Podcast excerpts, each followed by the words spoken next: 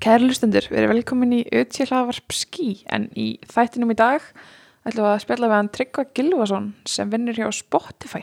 Já, Tryggvi segir okkur hvernig uh, hann endaði hjá Spotify uh, hann segir okkur frá náminu sínu og uh, svo þegar hann fór að vinna hjá Plain Vanilla uh, við leikin QuizUp og já, og svo bara umsóknarferlinu hjá Spotify hvernig er að vinna hjá svona stóru alþjóðlega fyrirtæki hvernig er að sækja um vinnu hjá þeim Akkurat, hann segir okkur frá sínu starfi og hvað það er sem að hann og teimið hans hafa verið að þróa.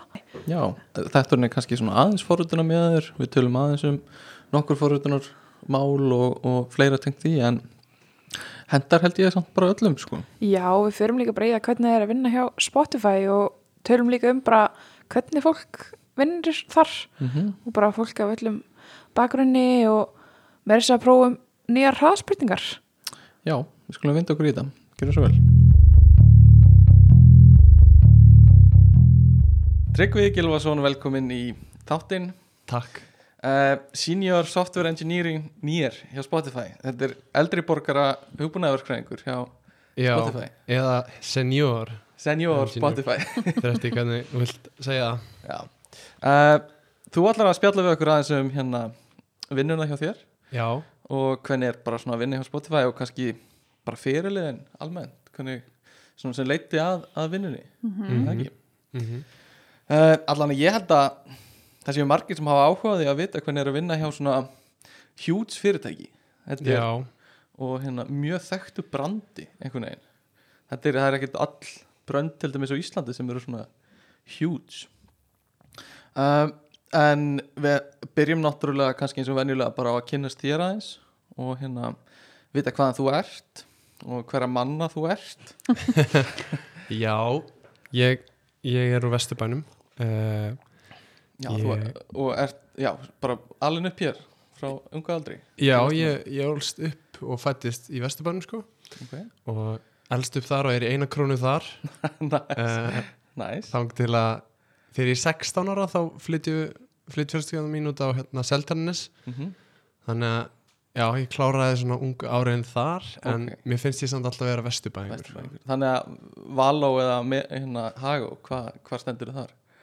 Hagó sko Hagó, Ég var í grandaskóla og fór síðan í, í hagaskóla ok Já, ok, þú skiptir ekki þegar þú fórst á nesið Nei, Nei, já, þá var þú ég búið komin með grunnskóla. Kvennó sko, Já. mentaskóla Já, þú veist þið kvönnu, mm -hmm. hvernig var það? Mér finnst það næs sko Þegar Já. ég horfið tilbaka, ég held að Kvennó sé kannski búin að breyta svolítið síðan þegar ég var þar mm. Varst þið þryggjara kerfi? Já, við vorum sko fyrsti bekkurinn sem tók þetta þryggjára kerfi Já, það Við vorum var samt eitthvað svona- fyrir ekki kannski löngu en það var áður en að breytingar stóru breytingar urðu. Já, Kvennó Já. var allir fyrsti svona bara testskólinn í þessu þryggjára Já. kerfi eiginlega Það var alveg mörgum árum á undan stóru breytingunum, sko. já, já. Já, einmitt Ok, og, og þetta svona, það var svolítið svona Já, við vorum svona fyrsti árgangurinn á tilraunum músinum sem að, þú veist, fekk ekki alveg nóg að borða og, Æ, æ. þú veist, það var alltaf kallt í búrinu Já, og, einmitt eða, þú veist, það var svona Mikil heimaðina og eitthvað. Já, stundum feilaði þetta svona en, þú veist, þetta Mm. gekk alveg fyrir sig og okay. ég var líka eiginlega bara komið með nóg að menntaskóla eftir þrjú ár, sko. Er það? Já, Já. ok. Já, ég veit að margir af, af mínum hérna árgangi eru ekki sátti við þryggjára breytinguna sko mm. og Nei. finnst svona að vera að eh, taka af nefnendum líka bara svona félagstengt en Já. það er áhugavert að heyra að þú bara þú varst bara búinn með þinn skamt Já, kannski var það bara svona self-fulfilling einhvern veginn, þú veist, Mm. að ég vissi Já. að þetta væri þrjú ár og þá var ég bara tilbúin mm En eins og fólki í kringum Kannski þið, skilur, var skrítið að vera á undan að klára? Þú veist, félagar, eða fóru bara allir sem við þekktur í hvernig? Nei, nei, þú veist, maður þekkir, þekkt alveg fólk í himskólanum, jú, jú, ef ég hugsa tilbaka, það var alveg pínu skrítið og svona fólk tvistraðist geðveit mikið einhvern veginn, Já. sumir Já. ákveðu sko að taka þetta á, þú veist, þreymur og hálfu eða fjórum Já. Já. og sumir fóru beint í háskólan, sumir tók eitthvað year off, og varstu í, þegar varstu í, í framhaldsskóla varstu að fykta í eitthvað í tölvum eða tækni eða forrita, ekki neitt sko. bara ekki neitt Nei. Nei, ég ætla alltaf að fara í eðlisfræði, Já, það, ég held Ok. ég væri gett góður í eðlisfræði, sko. alveg í að- gegnum könnu og svo kem ég í háskólan og þá var ég bara, eitthvað, thank god að ég fór ekki í eðlisfræði, ég er ömulegur í og skráður þið bara strax í tölunafræði í HÍ eða, Ég fór í hugbúnaðarskræði Þú Það fórst var í bara mjög hugbúnaðarfræði. svipan ám sko. Já.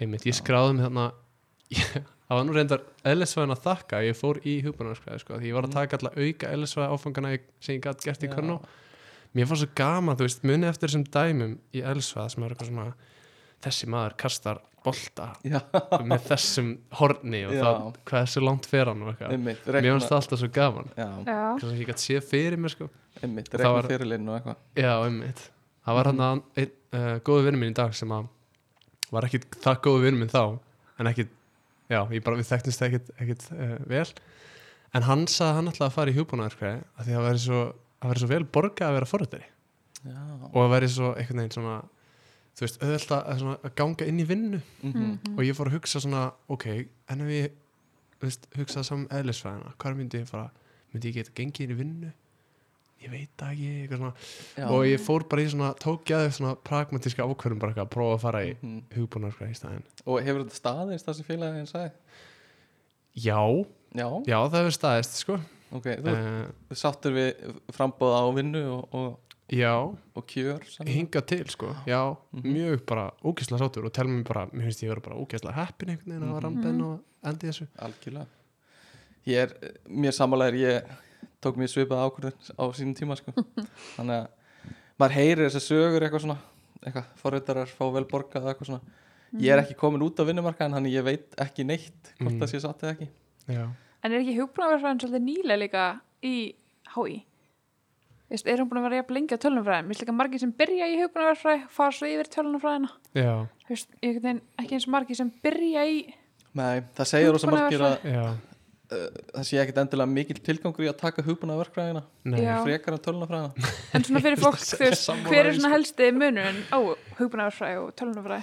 Þá Þetta í HÍ. Eh, ég, ég veit ekki hvort að Tryggvi hefur einhverja aðra sínaða en það er bara meiri starfræði elsvegi já. Varst þú, rauninni. tókst þú hugbúnarsgræði í HÍ líka? já, Ok, já. en við erum bara, tókum sama greinlega Já, einmitt en þú veist, þetta er bara, við þurfum að taka held ég sömu áfungana á fyrsta ári og, og kannski eitthvað öðru ári líka Mhm. sem Já. að hinn verkfræðin tekur þú veist, byggingaverkfræði og já, e- ykkur einmitt önnur Yðnaðar. stjarnæðlisverkfræði, ég veit það Já, ekki og við tökum eitthvað í rekstrafræði og bók, eh, hérna, hag, hagverkfræði og eitthvað, Já, já, já. já. svona, tengist peningum en, en Það er meira grunnurinn, um peningana. þú veist, áfangarnir sem ég læriði mest á og skiluði mig mest voru já, tölunafræði ég líka Já. þannig að hinnir áfangarnir voru bara eitthvað svona uppfyllið efni einhvern veginn En þið getur þá líka bara valið þá eins og þú veist, þið kannski farið ekki alveg eins mikið af forðunarfakarum en getur þá bara valið það í vali. Svo þið séu með sama og já. þú veist tölunarfræðin. já, og það er Fyrir skilda hjá jól, okkur að taka einhverja starfræði kursa líka í hugbúnaverkræðinni Já, sem eru svona kannski dýpri, ég veit það ekki, kannski dýpri starfræði já, þið tekjum meiri starffræði heldur en, en að tölunarfræðin. já, Það er alveg einn mm, á móti þremur, að- þremur heldur. já. En þau eru líka með þú veist fleiri, já, öðru í þessi áfanga sem þið tekja en kannski. ég held að margir segja að sko, þegar þú ert komin út á vinnumarkaðin að kursana sem skiptir máli eru þeir sem þú tekur í tölunafræðinni að já, miklu leiti, þannig að ef þú ert að ve- velta fyrir þér hvort þú er að fara í hugbúnaverkræði eða tölunafræði og þú vilt vera forritari þú veist, þá er tölunafræði bara já, gefið þau sömu niðurstöðu þannig séð sko. já mér mér finnst eiginlega, þú veist, mikilvægstu áfungandi fyrir mig voru þessi áfungar sem voru svona geðið skemmtilegur og inspiring, þú veist, Mhm. bara Hvað áfanga voru það? eins og til dæmis sko er, er að tveir áfangar sem að kannski stóðu upp úr um mér finnst mér í BS-náminu Já. það var hérna uh, tölvuleikjafóritun já, 100% með Pat Kerr, mm -hmm. Red Bull Drinking Machine og hérna 100% Guð blessan, hann, Já. ég hann veit ekki hvort hann er ennþá hjá CCP en hann sem sagt, kemur úr yðnaðinum og, og hérna er búin að vera að kenna tölvuleikjafóritun í Mm. HÍ alveg með harðri, harðri hægri hendi sko flottur, Hann- að góður og byrjar alltaf tíma á því að ktsch, opnaði Red Bull og eða, eða Powerade, hann var líka svolítið með Powerade já hjá mér, en sorry já. Já, það var, það var tölvuleiki fórhundun sko, og, hérna, og hinn áfanginu var, var VF fórhundun sem að Já. hérna, hann Ólafur ég man ekki hvað eftirnafnið hans er Sverrir. Hérna, Ólafur Sverrir, emitt um, Mhm. sem sem er að hjá UNO eða var allavega var hjá UNO, emitt uh, hann var að kenna í ein, einhver tíma en hann er ekki ennþá Nei, er hann hættur? hann allavega tók sér leiði, veit ég Hann hvað tók sér það leyfi. kom hann aftur tók sér Ah. leif Ok og var það svona sem að megaði sens, þú veist, vefforðun Já, þetta var bara svona það f- sko, þetta fór að tengja fórhundunna við eitthvað umverulegt fyrir mig, þú veist Já. Mér finnst þessu tölvanfræði eitt, þá var maður að gera eitthvað svona sorting algorithms og Já. læra bara grönnin Já, og þú veist, forlíkjur og eitthvað svona bara Já. grunninn og og maður sér ekkert praktískan not fyrir það endilega Nei, ekki og alveg það nóg. er ekkert að skapast í þú veist Nei. vefforðunni þá sérðu eitthvað verða til Mhm. já, Á- nákvæmlega í skjánum sko já, svo getur þú breytt því og já. þannig að mér fannst þetta að vera áfengarnir sem að ég fekk mest úr af því þetta er svona, þetta var skemmtilegt og maður sé svona, já, já, þetta er svona kannski svona verður þetta, kannski ég er búin þú veist, ég getur verið að gera eitthvað svona og, já, kannski það glemt þér í verkefnunum og já, svona. og það er áhugavert sko, því þetta eru bæði kennarar sem koma úr bara yðnaðinum, eða Já. st- úr hérna Bransanum. atvinnulífinu, Mhm. mm einmitt. koma inn já, en Óli er rosalega góðu kennari finnst mér, já, eða hann tekur Mjög þetta fær. rosalega svona vel af, af mikill nákvæmni tekur grunn hann fer- hann fer alveg í alveg niður hann getur líka svara spurningum Já. alveg, þú veist hann er ekki ofklár Já. en, en veffurðun, er það eitthvað sem þú hefur svo verið að vinna rosa mikið við svona eh, kannski javascript, react native nei, react eða eitthvað svoleiðis Já, ég hef búin að vera, ég er eiginlega bara ég er vefforritari sko mest svona í Já. vinnunni eða Þú svona myndir- svona þú síðan myndir svona sem í skilgrina þig sem veffurðun Já, já, ok og eh, þú, þú klárar svo tölunafræðina hugbúinarfræði hugbúna, sorry, hugbúnarfræðina ég, er, örugglega- þú veist, ég segi sjálfur að ég sé tölunafræðingur bara alveg óvart sko. já, fyrir mér er þetta smá bara svona sama hl- hluturinn, en allan ég sorry segi það líka og ég er já. ekki þið Nei, já, ég klára sko ég klára háskólan á fjórum árum Mhm. í staðan fyrir þremur ok, uh, Fyrsta önni mín var nefnilega bara ég, ég fór í þetta þryggjára kerfi í hvernu og svo fór ég bara beint í háskólan og var Ok, svona, vá. Mm, þú veist, er hún yngri einhvern veginn og Já. var hann að meinu vinnu mínum og við vorum alltaf að spila League of Legends við vorum basically háðir tölvuleika, við vorum tölvuleika fíklar okay. úf og hérna við höfum alltaf eitthvað, ó við höfum aldrei neitt tíma til að gera neitt, eitthvað að læra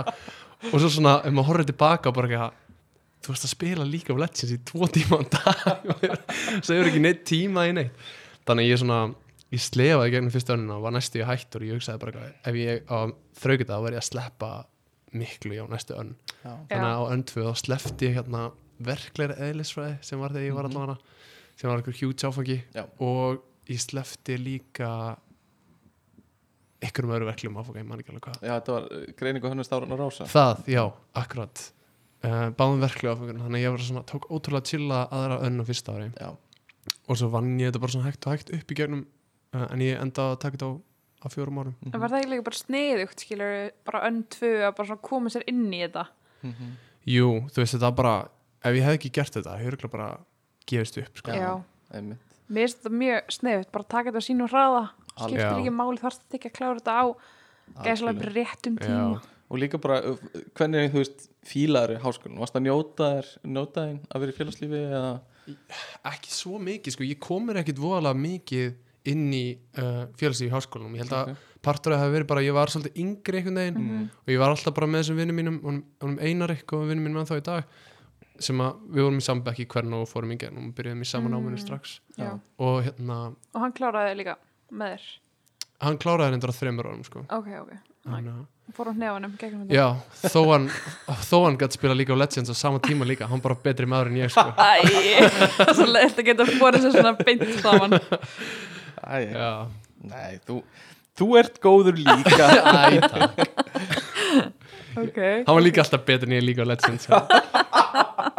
Æ, Æ, já, já þetta er svo harkalegt. Já. Þetta er svona beintir saman. já, Góður í ykkur öðru. já, já Eh, Ok. Um, en, en hérna, þú klárar svo háskólan á fjórum árum og ferði beint út á vinnumarkaðinn og eða, Já, Hvernig já er ég, það? fer, ég byrja sko að vinna hjá hérna Plain Vanilla ok. okay. fyrirtækinu sem að gerði quiz-up leikinn fyrir þá sem muna eftir því Hvernig komstu þangað? Svostur bara um með það? Já, sko, þetta var þarna á, á fjórða árinu um jólin sem sagt, fyrst- fyrst önninni á fjórða árinu mínu þá sá ég að quiz-up var að leita að vefóruðurum, bara eitthvað svona Facebook-ölsing sem að Árni Hermann setti inn hérna uh, st- kall, nei, strákur sem var að vinna þar uh, og hérna ég sótti bara um Já. Mhm.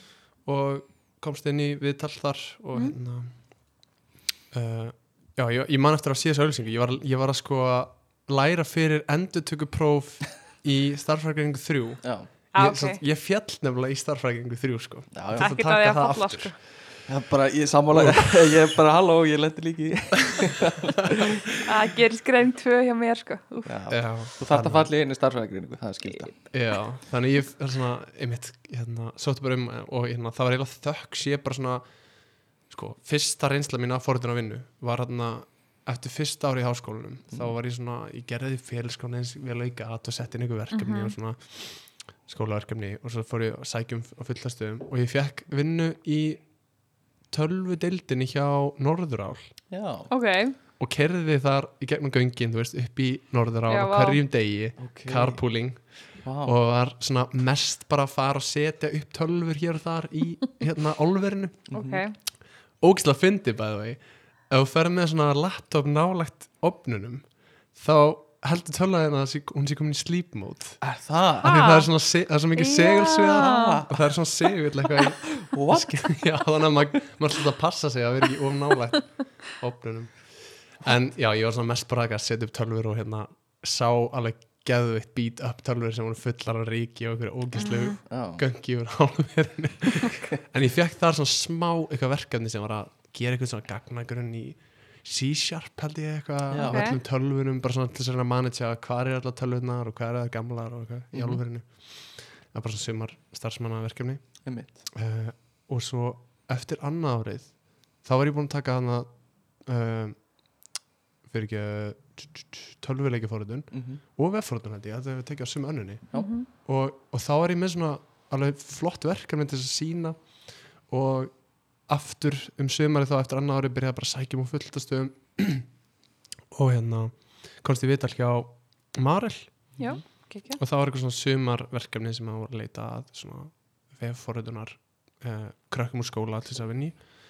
uh, og þar svona varði ég ástfangin af vefforðun sko Já. Mm. í þessu sumarstarfi það var alveg ótrúlega skemmtilegt það var, svo, hérna, það var strákur sem var með okkur í teimi sem var uh, einu ári yngri eða tveimur árum yngri en ég Mhm.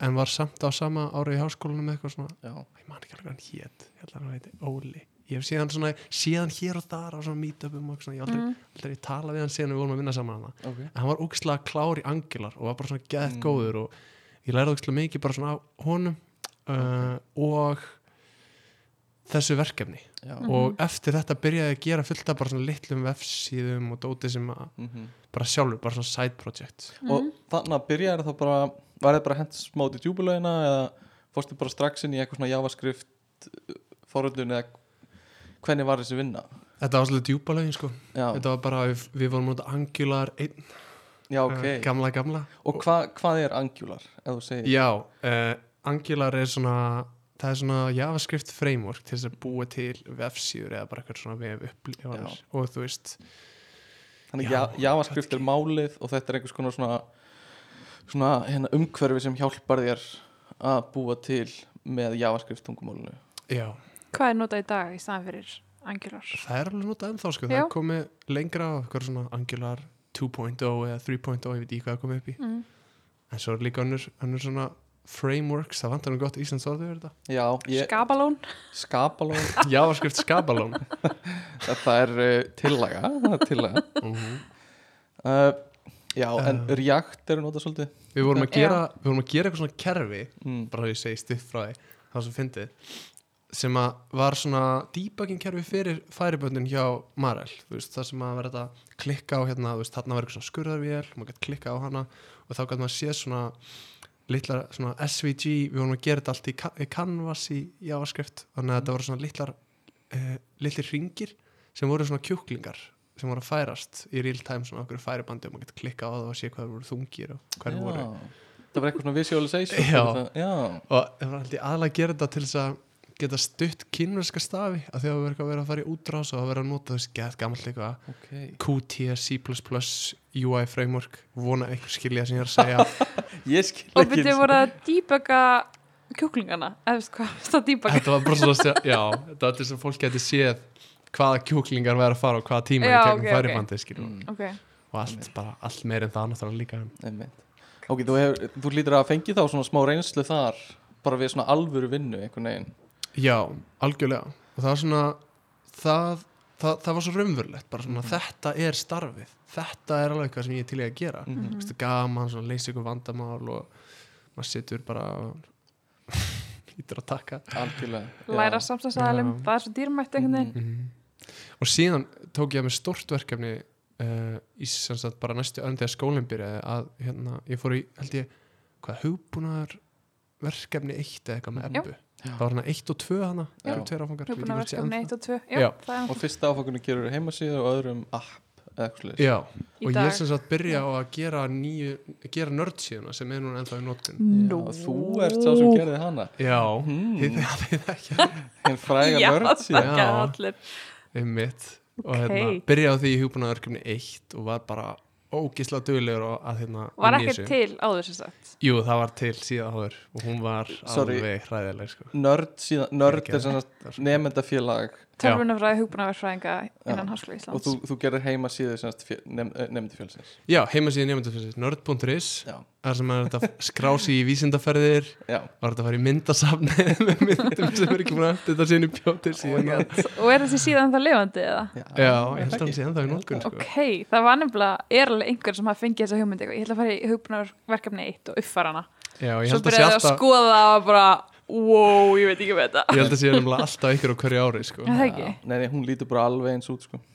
Já, þetta er bara sama gamla mm, þannig að hérna, ég vil bara þ- thank you for your service já Bara takk fyrir þjónustina veri, það var lítið Já, það var þetta ekkit svo lítið sko. það var alveg Nei, ógeðslega mikið mál og miklu meira mál en ég bjóst við sko. og, Já. í og held hverju- ég flestir sem s- alltaf, alltaf sá sem á hverju ári allar að skrifa skrifa þannig að ég svona tók þú veist alveg, ég tók alveg all nightera og eitthvað Mm. svona vittlisvið þú veist og þetta, þetta, hún lukkar svolítið ríaktli er þetta skrifað ríakt eða í hverju er þetta skrifað nei, þetta var skrifað í Pólimer Ná, ég veit ekki, ég bara veit ekki hvað það Hm. er nei, það var sko, það var eitthvað sem að koma söpum tíma og rétt, svona fyrst út þetta er eitthvað hugmynd frá Google mm um, þar sem að um, Google er, er ennþá að pusha fullt af svona standardum sem heita web components Já. út Já. uh, sem er svona leið til þess að byggja svona components Mhm. á webnum þar sem þú getur get- til dæmis búið til bara nýja tegund af svona, hvað á maður að segja building blocks skilur Já. fyrir vefin þetta er bara, Google gefur kannski út bara legokupa og svo geta Mhm. aðri nota legokupana til að byggja sína sí- sína tækni og síður og þróun Já, Sem er það bara, þau veist, útlitið eða líka bara bakgrunnurinn og líka bara virknin Eða bara, svo virknum menna bara- ég, þú veist, að bak við Já. útlitið bara taka upp- hvernig get ég nota t- síðuna mína til að taka upp hljóð og þá er Google með eitthvað komponent til að hjálpa þér við það Já, þannig að þetta var svona fyrsta frameworkið ofan á web components og átti að Mm. vera svona, það heiti polymer af því það er sko, p- byrjar á poly mm. og polyfill er Já. orð sem að er hérna þýðir sem sagt það að láta ykkur að virkni virka áður en að þú veist, hún er aðgengileg fyrir notendur, þannig að það er verið að svona ég Mhm. hvernig á að útskýra það? Nei, Póli er ekki eitthvað fjöl er, Póli, er það ekki hérna en, a- já, Já. allavega þetta er, þetta er semast, Google gefur þetta út og þetta er svona til að hjálpa þetta á bara að vera umhverfið til að byggja Þetta átti að vera bara svona, já þið getur byggt henn allt í Polymer af því að, og síðan eftir nokkur ár þú veist þá minnum við alltaf bara mink og minka þetta library þannig að það verður eiginlega bara alveg horfið af því það er allir að skrifa components ég skil Mm, þannig að þetta var svona, það var alltaf lovorðið Mm. og ég var bara, eitthvað, wow, geðveitt koncept mm. geggi hugmynd og byrja að skrifa allt þetta í, í Polymer og hérna og svo bara gerðist þetta miklu hægur og þetta er eiginlega ekkert að gerast ennþá Nei. almennilega, Nei. sjáum til þetta tíu ár Hefur eitthvað notað þetta aftur eða?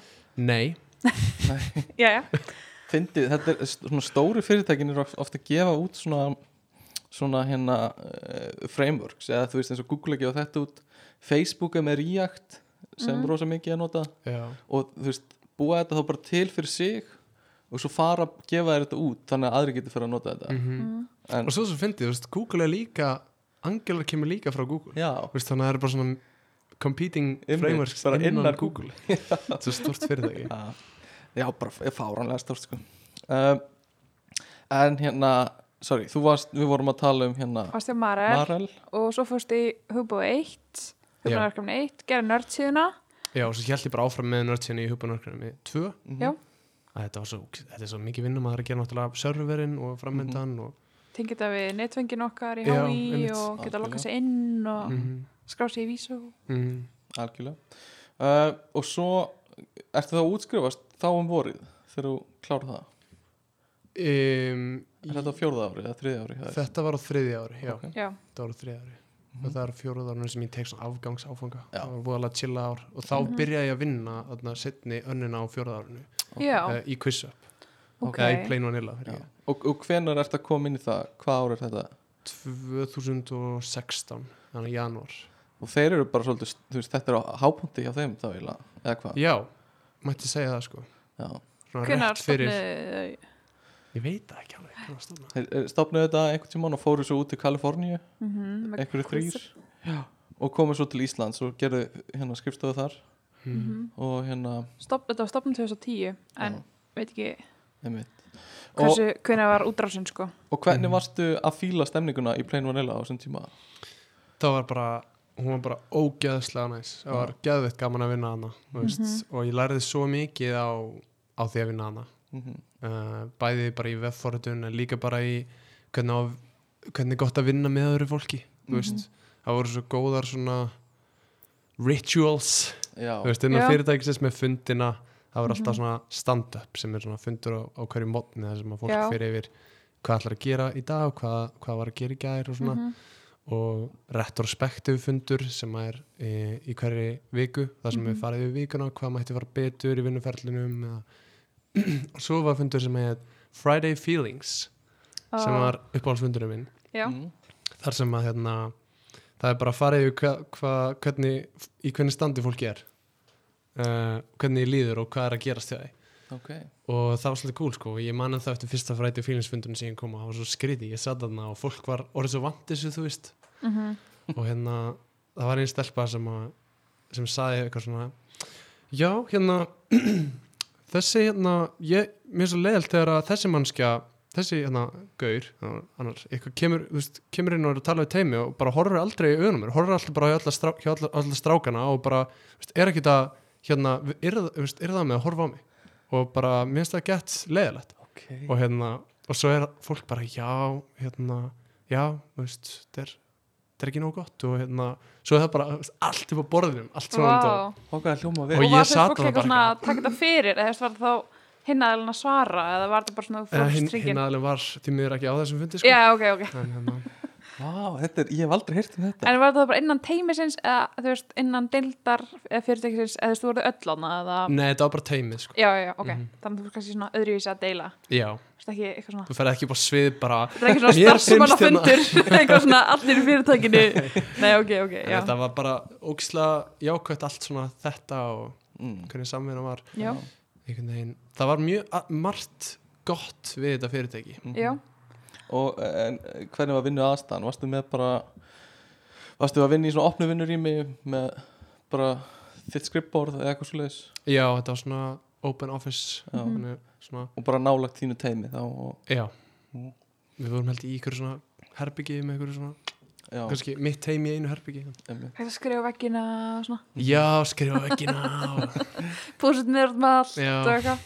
ég hef Ok. heyrt rosa góða hluti um, vin, um móralin Já. þegar þetta var í gangi sko. Já, Það er aldrei um þetta sem er mjög skemmtilega minnst það, sko. já, og en varstu þá hjá þeim þegar þegar þú veist hættu og lokuðu já Ég tók rússibannan alla leiðina niður ok, Þetta hvað varst það lengi hjá þeim? sko. Bara átta eða nýjum mánu Þetta er náttúrulega Ok. Quiz Up segir öllum upp Þannig að í lokin Það held ég að hafa verið í Ágúst. ágúst Já, Ágúst 2016. Akkurat. 31. þú ert komið með þetta Já. Yes. Það var Tryggvi byrja bara að fá PTSD bara svitna Og Man bæ, bara eftir þessum town hall fundi Það sem var bara Búm, öllum sagt upp tánhálfundir. En, en já, hvernig var það samt? Var bara, fenguðu allir tölupóst eða hvernig, vissuðu að þetta væri að koma? uh, Nei, við sem ekkert var að koma Sko, þetta var Það var ekkert í loftinu. Í, nei, ekki síðasta ekki síðasta hérna hóp upp, mm Mhm. -hmm. eða bara Nei. þegar öllum var sagt upp en það var búið að vera að draga úr stærinn á fyrirtækinu alveg allt árið þú veist, ég, ég og hérna góðu maður sem að kallaði Kotson vinnum við á GitHub í dag Mm, Eh, uh, við ok, byrjum vá. hann að sömu vikuna vorum í saman teiminu um, og Kristján Oddsson, þess heitir hann Kotson, kallaður. Kotson, ó, Ah, Ok, Ég kannski það ekki heilt þetta okkur. ekki. ég ætla að ok. væri annarkvort bara mjög góður í kott eða væri eitthvað, væri útlenskur, allan Já, ok. Kristján Oddsson, Já, og hérna við vorum að byrja hérna fyrst í janúar saman sko og svo tveim vikum eftir að við byrjum þá er hóp uppsagn ok og þá er hérna ykkur um 10-15 mann sagt upp og hann er að leiðalegt og mm -hmm. morall ekkit Nei. það góður en svona, ok og svo held ég að verið mánuðið eða tveim mánuðum eftir að þá var önnur hóp uppsagn þannig að það sem Ok. var 30 mann svo sagt upp þannig Mm að þau byrjum, mhm. að þegar ég byrjaði þá held ég að við höfum verið 80 og eitthvað -hmm. en í lokin voru við bara 35 eða eitthvað ok og uh, voruð þið þá að reyna bara voruð þið ennþá að reyna að bæta við quizzup eða voruð þið að vinna í öðrum verkefnum eða Það var að gera nokkru hlut á saman tíma sko. ok, Það var eitt svona stort verkefni að, hérna, sem var í s- sambandi við sjónvarstu í bandaríkjunum Já. og, svona. og svo verið að bæta við svona featureum einmitt, líka í appið og þannig. ok og það var bara alveg í gangi fram að ágúst eða þegar að, Já, fram í rauðan döðan. ok, Það var sem bara þetta stóra verkefni svona uh, feilaði, eða þú veist, það Mhm. var púlað út með það. Þannig að, og þá bara svona var ekki, það var ekki ná peningur eftir. næ, einmitt Mm. já, Vá. en þú lítur að hafa þá En þá varstu bara að vera útskrifaður í 2-3 mánuði Já. þegar þeir sagt upp eða ekki. Jú, þú, þú, jú, já, þú hefur þá gjörsamlega fengið bara svaka reynslu bara á, þú veist, innan við ári einhvern veginn, Já. eftir útskrift já, algjörlega. Og með þá skóla ef hann byrjaði Já. um áramöndin. Já.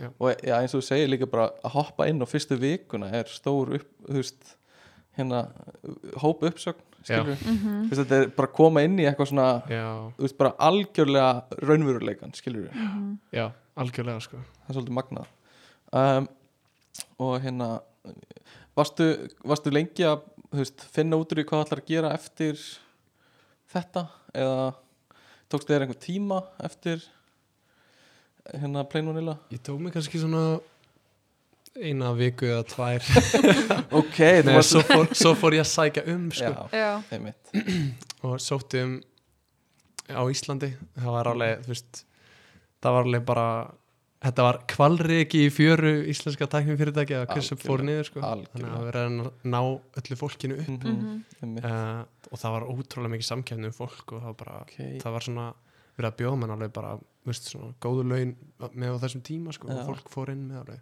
Einmitt, sérstaklega nýjum Wow Air sko, fárlega, ok fárlega tölur Já, en, en hérna, já og það var ég var svona fyrst ég, hérna, ég var aðeins að, að í smá verkefni hérna fyrst sem var síðan að af, afó, Avó, já, sem þið kannski Stefán í það með Mhm. já, einmitt þannig að ég var svona með sem sagt, Stefani og Völu og Árnarmanni Mhm, í uh, smá verkefni fyrst sem að var reyndar allt annað en síðan, síðan hætti, hætti ég svo því ég fór til Spotify mhm. uh, og þá hérna hvað sé þá já, breytti við hugmyndinni Mhm. pivota Pivot. Já, Alveg. pivotuðu þig. Já, pivotaði akkurat. Ok, þannig að eftir Plain Vanilla ferðu í eitthvað svona smá projekt með þeim já, var svona e- eitthvað að skoða bara svona fi- fikra Já, sig svona áfram sjá hvort að maður vill- vildi gera þetta Mhm. eða fara að vinna í okkur íslenska fyrirtæki en svo sótti ég líka um Erlandis og svona Ok. Já, og það var þarna sama ár, 2016 ég held ég bara júli eða júni þá var JSConf, fyrsta JSConf Æsland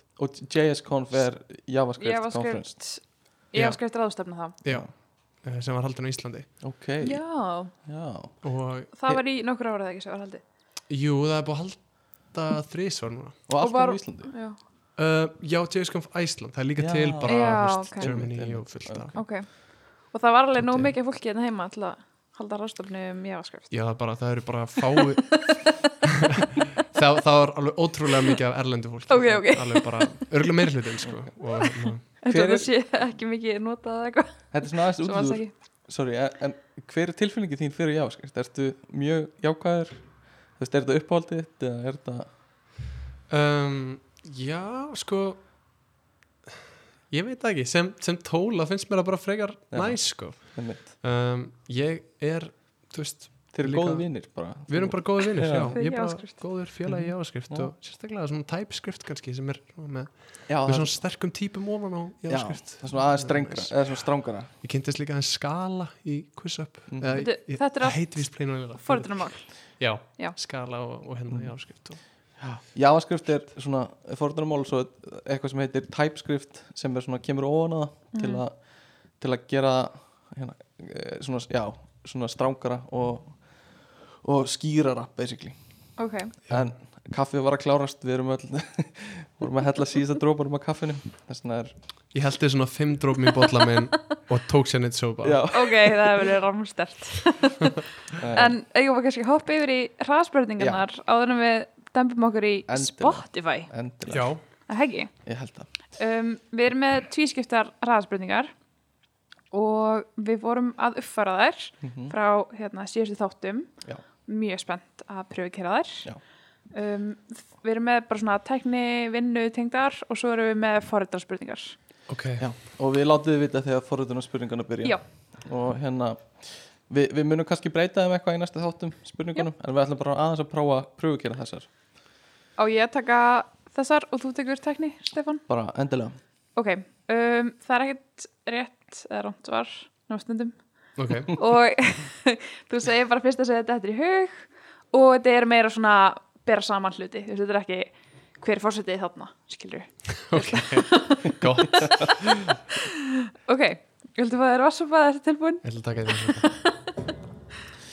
Já, þetta er eh, ekki Wikipedia spurningar Nei, þetta er ekki hérna, þekkingar tengt og við byrjum núna, Android eða Apple Android, útlit eða notakildi notakildi, kaup á netinu eða kaup í personu kaupi persónu bíómyndir eða þættir þættir, hundar eða kettir hundar, tölvuleikir eða borspil borðspil elda mat eða kaupa mat eldamót, um, over ír hirtnatól eða inn ír hirtnatól over ear ok, ég sérst eira snjallúr eða heimskúr snjallur, ok, taka fundi eða senda tölvupost senda tölupost uh, go to fréttameðil vísir, loka skrifstofa eða opið vinnurými opiðvinnrými fjöldi skjáa í vinnunni Einn. einn, eða einn og fartala ok hvað er passvöldið þitt á gmail? eh, einn, tveir, þrýr, abísi uppáhalds tónlistamannskja Þessi er erfið wow uh, tallest man on earth ok, vinn á staðinum eða heima ú uh, vinna á staðnum ok, samt, vinna bara fyrirháti eða eftirháti bara fyrir hátti ok, hvort myndir þið ferðast 100 áfram í tíman eða 1000 áfram í tíman? þúsund ár Ánægð með Ok. þetta, ánægð með þetta svar geggjað, Þetta er æfintýra mannski greinlega já sem hefur mikla trú á mannkyninu Vá. uh, tók þetta á eða? já ég bara hérna. sveitnaði henni Það sem mér fannst magnað er hvað varst lengi svara snjallur eða heimsku það, það var erfiðast spurningi já, æ, ég er með svona að geta skrítið veist, ég, ég er með snjallur, ég er Mhm. með svona garminn hlaupár og mér finnst það vera mjög næ sko, Já, en ég ég er svona fíla miklu meira lúkja og svona Já, gammal múrum og einmitt, eitthvað já. svona Skil þig. me mechanics, Já. einhverjum Já. litlum gears Alveg klálega sko þetta er svona eignir sko Alveg klálega uh, Ég man ekki hvað sagðir hérna lokuð vinnur í með opið skristofa var ekki, Nei, opið vinnur í með lokuð skristofa Það er opið já, Já, að segja það rosa margir já. Það er- Það er rosa margir fíla það sko en það er líka þú veist, opin vinnur í mig í tísku Já, einmitt, en þú veist svona þróunin hefur farið þangað Algjörlega. þannig að það getur alveg haft áhrif algjörlega já Ert þú- og ég valdur prófan eitt annað Nei, sko nei. nei, akkurat Myndirðu vilja, ég veit ekki, hefur þú prófað að ha- vera með svona skilrúm á milli já, það er það sem ég er að hugsa sko Já, með já. opið unrými, Algjörlega, já. svona hálf opið kannski einmitt, þú veist. einmitt en svo er líka spurning þú veist, kannski ef maður fer síðan í aðra stöður setna meir, kannski með svona stjórnandastöður þá kannski getum svarað maður þessu öðruvísi Já. ég veit það ekki, já, Það ég gæti alveg hugsa að verið, geta sko. vel verið sko þú veist, ef maður er eitthvað þú veist, ég veit ekki, Mhm. Já, með eitthvað viðkvæmt á skjánum eða, maður þarf að Já. sitja og plotta strategic deck, algjörlega dekkin sinn Algjörlega, margir daga, þá veit maður friðið sko þú þarf að geta verið með töfluna með líka öllum s- svona rauðu snæroniðinum þess að þú tengir saman allar myndinar á já, korktöfluniðinni um, En já, ok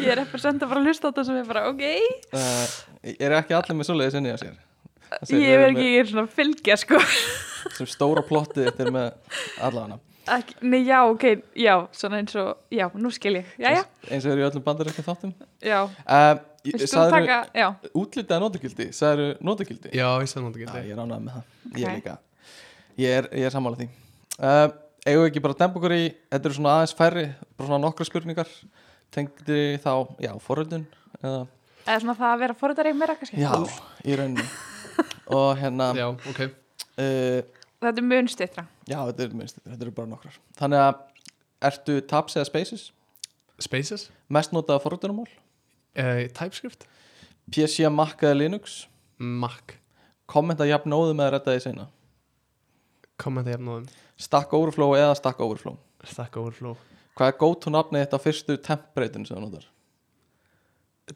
þú, Fú, framendi eða bakendi uh, framöndi okay. það var Ok. ekki meira það Gekja. Ertu fú og bar maður? Já, fú bar Ok, er þetta eitthvað sem ná- pikkar upp hjá Óla í tölun, nei, veffaröðun?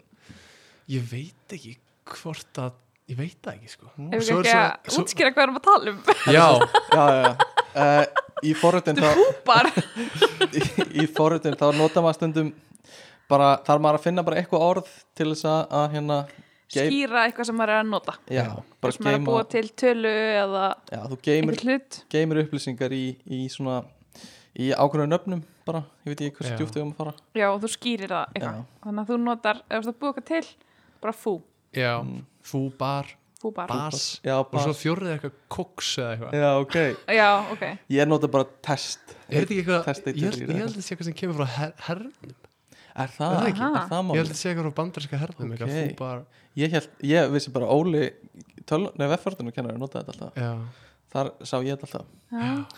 uh, og þú kommentar jafnóðum já er, er það, er, kommentar alltaf kóðið Ég, ætla, ég byrjar að gera meira sko svona eins og maður eins og allan finnst mér eins og ég hafi svona maður kemur tímanum svona maður fær tilfinningunum fyrir hvar það hjálpar já, þú veist Já. Einmitt, algjörlega og ég er farin að gera þetta líka meira og meira núna ja, því að þú veist rittlarnir sem að fóriðarnir nota í vinnunni mm -hmm. e, geta svona eða þú kannski ferðar með músina henni yfir eitthvað ákveðin kóða mhm, þá stundum getur að poppa upp svona dóti sem að eh, með upplýsingar um hvað þetta er og svona Mm. og það er hægt að skrifa þannig e, kommentana að það gerist hjá fólki þannig að Ertu mikið Það er að, ekki að hérna, eru þið mikið að deila kóðum eða svona hefur þú veist ert þú að nota kóða sem aðrir, annað fólk er að skrifa og þú veist vinna í kóðum hjá öðrum og fólk að vinna í þínum kóða já, já, í, innan teimisins sko, Já. þá er svona okay. er þetta kann- svona svolítið bara okkar kóði mm -hmm. Það er fínt Já. að hafa þetta skiljanlegt fyrir fólki sem þú ert að vinna með, sko. Já, klálega já, og, og þetta er mest skrifað í TypeScript, það er það já, Já, ok uh, Þetta var næs um, Þannig að, að við fyrir kannski þá Við erum þá komin, við erum búið með hérna Plain Vanilla og, og litla svona Sumarstörf. sumarstörf Samtala um magna hvað þú fekst hérna sumarstörf sem voru tengd starfinni þínu. já Þannig að það þú er veist- umlega erfitt þú veist, Já, að- það er alveg magna. maður þú veist. ákveðin er bara hefnið þú veist ég Já, að vera bara þú veist, Mm. að hafa fylgst með krökkunum sem voru með mér í verkfræðinni Mhm. Þú veist, það var alveg bara happ og glappa að fá eitthvað sem að nýttist þeim þannig séð sko Algjörlega maður þarf að pulla öll triksin í bókinni Já. svona með fjölskrána og bara dælis út þú veist. Já, líka þú veist nokkur þú veist, þú varst ekki alltaf á sama staðnum sem var alveg áhugavert mm. þú veist, að fá bæði tengt náminu mm það er alveg vel gert sko En er næst að vinna þín Spotify þá, eftir kvissu? já, Ok, og, og varstu að sækja um bara hjá alls konar fyrirtækjum svolítið svona haglabissu aðferð eða vissuru bara, ég ætla að sækja um þannig ég var að taka haglabissu aðferðina bara eiginlega. Ok. ég sóttum, hef alltaf gert það ég er Og- alltaf að vinna og hversu, þú veist, svona sérsnegin voru kynningabreyf og allt það, þú veist, eftir starfi varstu bara með sama kynningabreyfið og svona á alla eða varstu að sérsnegið þau já, ég var eiginlega bara með sama ég var með svona bara meðmæli og svona eitt meðmæla bref frá mm hérna -hmm.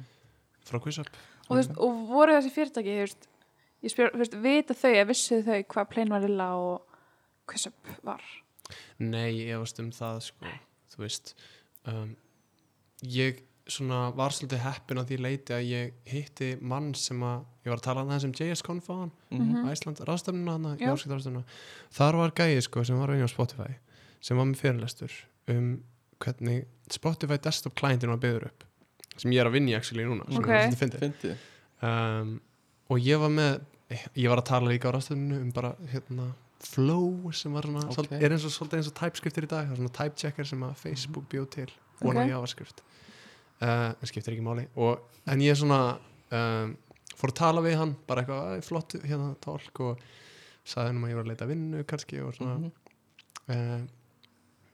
Mhm. ég endar saðan með ekki að þá er ég ennþá að vinna á QuizUp Ok. en ég Já, sagði ok. okay. ég, sagði hann- ég semst rýtsaði bara át til hans eftir að viðst, QuizUp var farin yfir mm já, ok, ok og talaði við hann og þá var hann bara eitthvað, já, ég hérna get gefið þér svona meðmæla uh, meðmæla bref, skilur við, það er svona recommendation inn Vá. í Spotify Og þá með bara- mæli eða með mæli bref meðmæli, þú veist, Já, og þá já, bara já. svona ég sem starfsmæður hjá þessu fyrirtæki hjá Já, já. fyrirtækinu mæli með þessari mannsku og þá bömpa manni bara svolítið í staplanum af fyrirlskrám Já, en já, þú já. veist, maður þarf að fara í gennum alltaf sama en svona bara erfiðast að er að fá fyrsta vitali, sko -hmm. já, bara vera, þú veist pikkar, já, já. þú veist, þú verður ekki skrínaður allist.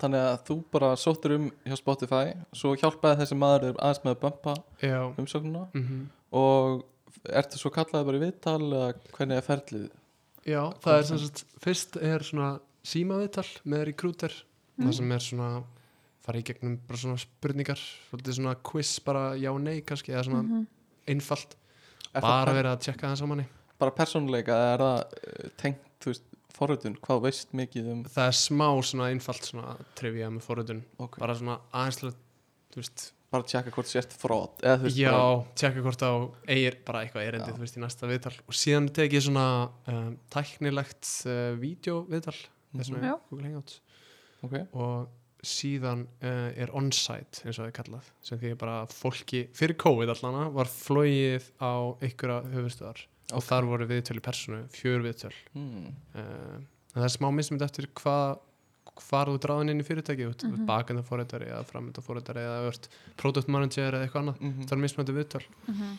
en það kom allir í svona on-site Eh, uh, Ef að fara, hvað er munurinn á bakandi og framönda Ef að, bara svona snöggt. Örstuðt, uh, Framöndi er rosa mikið tengt útlitinu, er það ekki? það sem við sjáum. Já. Það sem við sjáum og Mhm. virkni á allu e Eða svona, eh, já Svona þessi grunnvirkni og bakendin sér um Geima og Já, sér um útrekninga og, já, og Já. halda upplýsingum og, svona, Já. og koma upplýsingunum áleiðis Já. til viðmótana, þú Já. veist, vefsíðana eða appana eða hvað sem Mhm. það er, sem jafnvel er gagnagrunnur. og svo tala framöndanum bakandi saman þannig að þú Mhm. vítir á kannski takka á framöndanum og hans, þú veist talar þá við bakendan og byður um hérna gerðu þessa útrykninga fyrir mig og sendu mér þessar upplýsingar, takk Mhm. fyrir Mm -hmm. og bakendin, já, ok, ég skal gert ég skal vinna í þessu, og svo sendur hann þú veist, einhverja mynd sem er verið að byðja um eða eitthvað, til framöndans Og þetta gerist bara á engum tíma. sorry, þetta er út úr dúr, menn ég var bara aðeins að pæla í þessu Ok, Og þannig að þú ert þá, gengur vel í þessu viðtölum Já, nógu vel allavega, nóg sko. vera, já. manni finnst Og- það ekkit endilega að maður er í viðtölum nei. Og Er, varst var ekki, það svo leiðis? já, það var, það var mismöndi, sko, það var eitt sem ég var bara guð, hvað ég bara, má ég blóta hérna Já, Eh, bara, Guð, hvað ég fokka þessu upp þú veist Ok. uh, en svo var annað sem gekk ágætlega maður er svona smá Já. tilfinningu en mm ég var ekkit þú veist, svo hérna sem sagt ég fór hana í þrjá daga og á flugvélinni sem sagt þegar ég lendi á Íslandi þegar ég var að koma tilbaka aftur -hmm.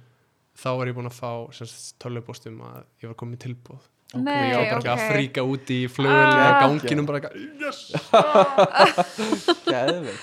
Vá, líka þú veist, að fara í flugvél, þú veist, þú ert ekkert að tala vinnið. Það er þetta svona, þú veist, Já. líka eftir þess svaka upplun, en Mm. þú varst ekki með henni en önnur fyrirtæki einhvern veginn í takinu, þú varst í þessu ferli. jú, það voru nokkur íslensk fyrirtæki sem ég var svona Mhm. En þú varst Komum svona, mest spenntið fyrir þessu eða? Já, ég var Já. spenntu fyrir mér langaði svolítið að fara frá Íslandi ég var með Já. smá svona bara veist, ég tók aldrei þetta ár Akkurat. eða ferðast eitthvað svona Nei. sem mar margir hefur gert á mentaskóla skiptina á með Það er náttúrulega beint eftir þrjú ár Algjörlega. í Já. háskóla, í fjögur ár, Mhm. Mhm. eftir grunnskóla. Já, og ég var bara veist, tilbúin að fara og upplega eitthvað nýtt Mhm. mér Já. langaði svona að prófa að byrja upp á nýtt veist, nýtt blað eitthvað í nýju umhverfi Mm uh, En Já. mér langar aðeins að- að meira út í þessu viðtöl mm Varstu hérna, þú veist, varstu beðin um að forrita eitthvað live eða var þetta, þau svona seinni viðtölun voru þau meira fræð, svona fræðileg Þannig að Google Hangouts, þannig varstu þá að förrita í því sem þú sagðir á hann, þannig Já. Mhm. að vef og þá var bara einhver mannski með þér. Já, það eru svona tvær mannskjur uh, frá fyrirtækinu frá Spotify Mhm. einn sem er svona lead og einn sem er shadow sem er svona bara Ok. að læra að verða mm lead Já. og svo er þú veist kandidatinn og þá er maður að forrita eitthvað svona Já. vandamál, leysa eitthvað vandamál Mhm. uh, og svo þegar maður kemur hana on-site þá uh, fyrir, hérna viðtölum sem ég fór í það voru fjör viðtöl uh, fyrsta var svona culture viðtöl uh, sem er með svona managerum Mhm. uh, þar sem hefur verið að bara spyrja þig um þú veist, bakgrunnin að vinna með öðru fólki Mhm. og hvort þú, þú veist hvernig dílar við konflikt og Það alls er svona kyns soft svoleiðis. skills. já, og svona bara Hvað er soft skills? Soft skills er ekki hard skills, þannig að soft skills er kannski meira svona persónuleiki, hvernig þú starfar og meðan hard skills er kannski skilgreint hversu mikið þú kannt í starffræði eða forritun eða eitthvað já. svona. já, Ok. einmitt, já, þetta er svolítið svona fókus á, einmitt soft skills bara Mhm. hvernig vinnur með fólki, getur getur getur unn, það er bara verið að tjekka getur unnið Já. vel með öðru fólki getur þetta ekki og, endurgjöf og þú Já. veist einmitt, mhm. ok og eitt, þú veist, eins og já, ég held, ég ætla ekki að fara út af spórinu það taka næsta viðtal bara Einmitt. hann hafði byrjað á kultúrviðtalinu síðan uh, er farið í svona algorithms viðtal Mm. uh, Mhm. sem ég var mjög hrættur við áttur það bara að kunna það var nefnilega, þú veist, þetta er ekki dvoðalega fræðilt, þetta er ekki eins og Google hjá Spotify allavega, þar sem þetta er svona þú veist að kunna eitthvað hvernig þú þetta gera eitthvað tree walking algorithms og ég veit ekki hvað og hvað en þú veist, hjá okkur var allavega þessu algoritmi við- viðtalið svolítið bara upp á töflu þú veist, það er eitthvað svona vandamál sem er voða, þú þarft að finna svona eitthvað góða, góða leið til þess að lúpa yfir ákveðan, þú veist, Mhm, ég veit ekki hvað hversu mikið ég má lýsa í, kannski jújú, nákvæmlega eða já, svoleiðis, Já. já, sorry, ég En- ætla að menna hversu tænilega það er að fara Nei, en Já, hérna þú veist, þ- þetta er svona meira bara þú veist að finna sniðu og lausn á pro- Já. problem solving Já. já, dót eitthvað Já. kannski gera bara kannski í flóknum hlutu einfaldan hátt já, en þetta er bara svona pseudocode, þú veist þetta er bara búið töflu að skrifa Já, bara já. hvernig þú myndir gera Bara svona- þetta grunnkóði Mhm. það er ekki verið að forðunum ál bara þannig að allir skilji þig Já, Mhm, bara hvað þú ert að reyna að leysa svona. og síðan er annað vilja sem myndir live codings þar sem þú þart actually að forrita ok, og, og leysa leysa vandamál í Mm. því forritanumáli sem að þú vilt nota já, Mhm. um, ok, og síðasta viðtalið er hérna system design ok sem er svona bara að fara yfir að frá A til Ö hvernig hún myndi búa til kerfi Mhm. þú veist, Mm. mm. búa til eitthvað app Ok. eða eitthvað feature Og- og framendan og bakendan og þú veist hvernig hún myndi Já. búa allt til og, og hvernig leiði er eftir síðasta viðtalið varstu bara, þetta gekk vel eða varstu svona, þetta gæti bröð til begja vona Í- algjörlega bröðið til begja vona ég var Já. bara ekki viss einhvern Ok. veginn að þetta ok, ég flög út sko tveim dögum fyrir af því ég var bara á hótelinu bara að preppa bara Mm. Ok. Já, allan ok. daginn í tvo Já. daga og heldur að það hafi hjálpað eða, þú veist, grættur á þessu preppi eða var það meira, já, ég held það heldur, er þetta ákveðin tækni sem þú heldur að geta lært fyrir svona viðtöl Já, ég held að svona, að læra að taka viðtöl, það er alveg málið, líka, þú veist, þegar maður byrjar bara að sitja hinum með borðið líka já, og sjá fólk sem kemur inn og svona maður lærir að, einhvern veginn, Mhm.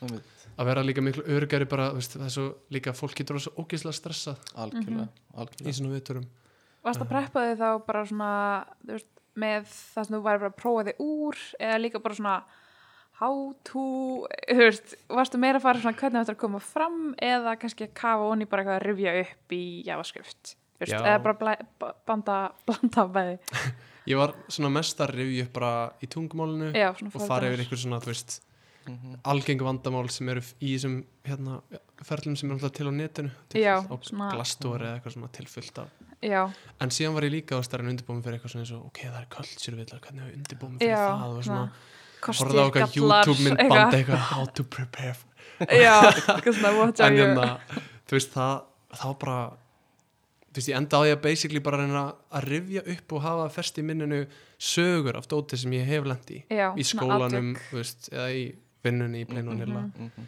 og, og það er held ég voða gott ef maður er að fara í eitthvað svoleiðis viðtal, Já. bara að muna eftir, að því það er erfitt að hugsa um það á staðnum, skilur Akkurat. algjörlega, Mm. gott að vera bara með sögur sem eru, þú veist, maður er ekkert að segja ósatt maður er bara, nei, nei, algjörlega. bara rifja upp hvað hva hef ég gert og kannski hugsa um það Mhm. Já, svona þú veist, maður, fólk hefur fengið spurninga bara svona hvenar lendur í óþægilegum aðstæðum og hvernig leistur þær eða Mhm. þú veist, hvenar gerðist eitthvað vandamál og hvernig fórst í gegnum það hvernig leistur í ósætti þú Mhm. veist, alls konar svoleið sem við getum fengið í spurningum sko, já, og maður er ekkert eða svona hver síðasta verkefni sem þú er stoltur af og maður er eitthvað, þú veist einmitt uh, aðeins til að kl- bara svona smá pínu spurning í forröðunarpartinum, máttur þú googla er það, eða ertu bara allt án topi fyrir þetta um, nei, ég held sko, það var meira svona að þú mátt spurja Mm. þú veist ef þú myndir til dæmis ekki alveg hvernig einhver javascript, þú veist eh, function sem Já. er byggð inn hvað hún hét eða eitthvað Mhm. þú veist, þá er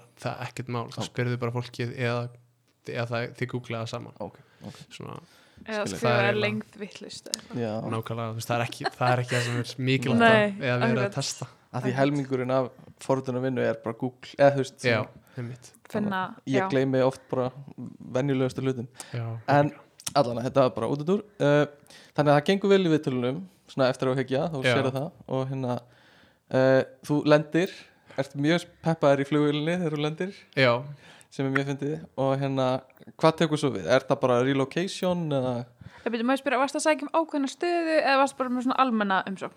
það var svona svolítið almenn umsókn Ok, bara. þannig að þú mhm. vissir ekkert endilega hvað þú væri að fara að fá Nei, okay. og, hvað var þurftur að, bóðið? já, þurftur að pondera bor- þú veist, hugsa um tilbúið eða var það bara slanda? nei, ég bara sló þetta niður Ég var svo spenntur, þú veist, ég hef verið að nota Spotify í mörg, mörg ár og mér finnst það bara ókýrslega Mhm. spennandi og fekk geðað bara svona jákvætt vibes frá Mm uh, heimsókninni og, atvinnu, eh, þú veist, og Já. umsóknarferlinnan og viðtölunum og fegst að skoða uh, kampusin Já, það var að fara með manni í smá túrum mm um office Ok, og bara, nice. ég held að það er svo mikilvægt einhvern veginn, ég hef líka farið svona gagnvart göttinu inn í vinnu Mm. já, Ok. svona, það var svona vond gött feeling en ég bara, æ, ég tekið þetta samt Okay. og það var hræðilega ákvörun, ég ætla ekki að segja hvar, Nei, hvar nei. það var sko nei, en ég einhvern veginn svona það byrja var að svona gott læra að vita. að það að var- respekta gött Já, nákvæmlega. Það trúið því, sko. já, emmi Ok, og hvað var bóðið hérna sem starfið? Þú veist, hvað fólkst í starfinu sem það var bóðið? þetta var sem sagt, ég endaði, eða ég byrjaði í svona VF forðunarstarfið sem að ég var að byggja svona internal tool Mhm. Ok, fyrir customer support bara svona innhús. Já, og Ok. svona customer support síðuna og okkur Já, svona þannig bara dót. svona þetta að þau getur flettu upp bara einhver var að kvarta eða einhver var að fá endurgreitt eða eitthvað. Já, nákvæmlega og ég var þar um, í nýjum mánu og Ok. svo skipti ég um teimi innan fyrirtækisins Mhm. Báðast um að skipta eða?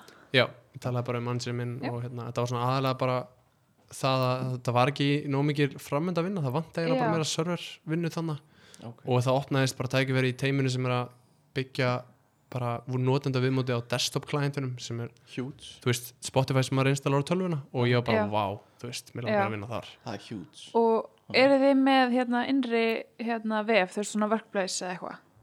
Já, mhm Og þannig að þú sást það þar eða þú veist, eru svona starfstrána samtöl eða hvernig?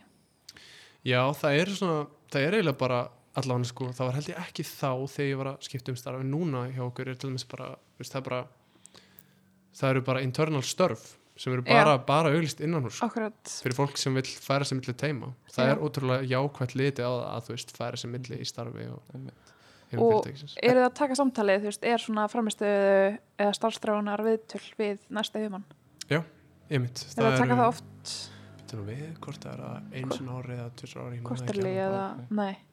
Þetta er, það er svolítið magnað tvisvar ári kannski þú ert með svona stórt fyrirtæki eins og þú Mhm. varst að segja bara að það sé oft auðlist bara innanhús störfin bara þú ert með örgulega næsta eins og þetta sé bara sjö fyrirtæki eða Já. eitthvað, Já, sem þú getur bara verið að færa á milli þú veist Þetta var svo fyndi, ég var að fundi bara í síðustu viku svona Mhm. það sem hafa verið svona stór partur af fyrirtækinu var að koma saman og svona tala um hvað var búið að gerast í þessum part Mhm. af fyrirtækinu og fundur endar á bara eitthvað and we're hiring bara, það var fullt af dóti bara eins og maður er Vá. komin að bara meet up Á já, já, skilin. já, en þú veist, bara Og allt- partur af Já, og fyrirtækinu, allt skilju. inn á Spotify Já, shit, það er fyndið Og þetta er ekki eitthvað svona starfs allt fyrirtæki, þetta er Nei. bara eitthvað svona Mhm. deild, Einmitt. eða þú veist, hvað svona, hvað- ok, Geggjað.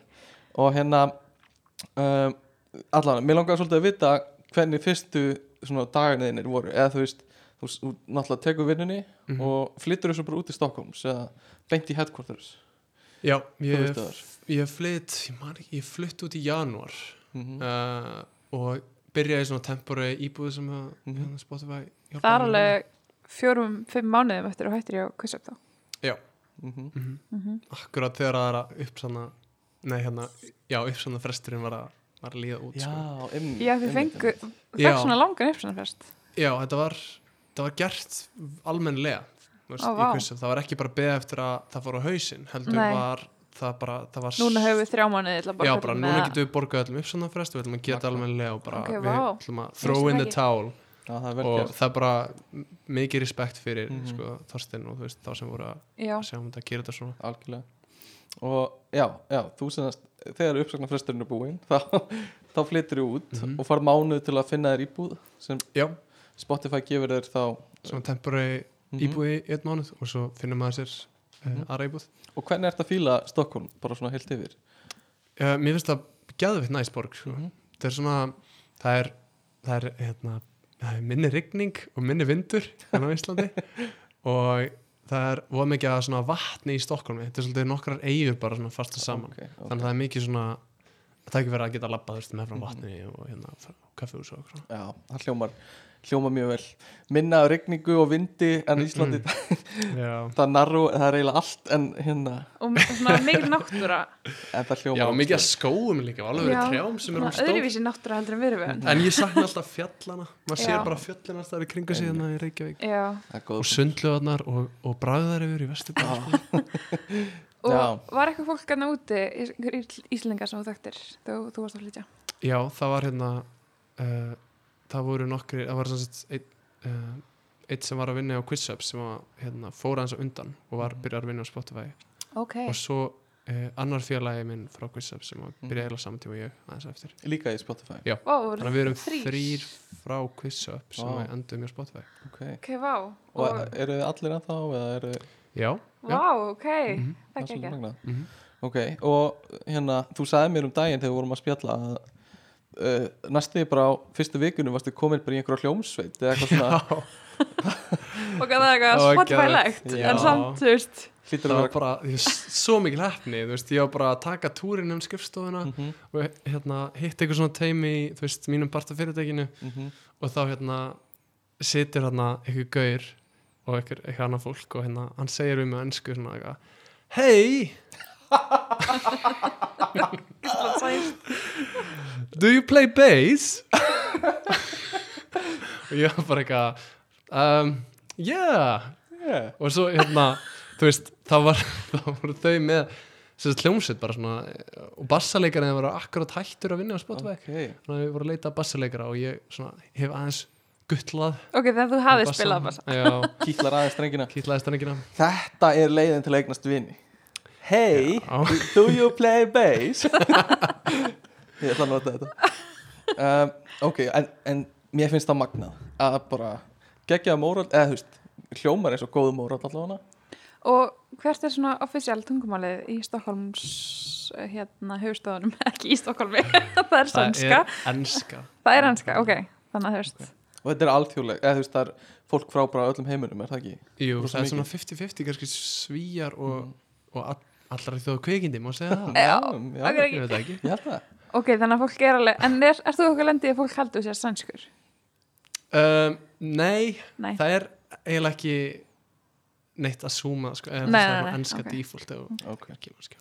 einmitt þannig að það heyrir ekkert íslenska hreiminn hann er kannski mjög ólíkur sænska Já, Já, það ertu bara með flúend ensku Hei, hei, ég komið frá Stockholm þetta er spot on, spot on ok, og þú mætir hana og mætir í vinnuna Já, geggjað, ég ég er nefnilega nýlega að byrja í starfi og ég byrjaði heima sko, þannig að ég get ekki ímynda mér Einmitt. stemninguna sko Veist ég hvernig þetta er stór Nei, ég Getur þekki ekki verið. helmingin af fólkinu Nei, og eitthvað.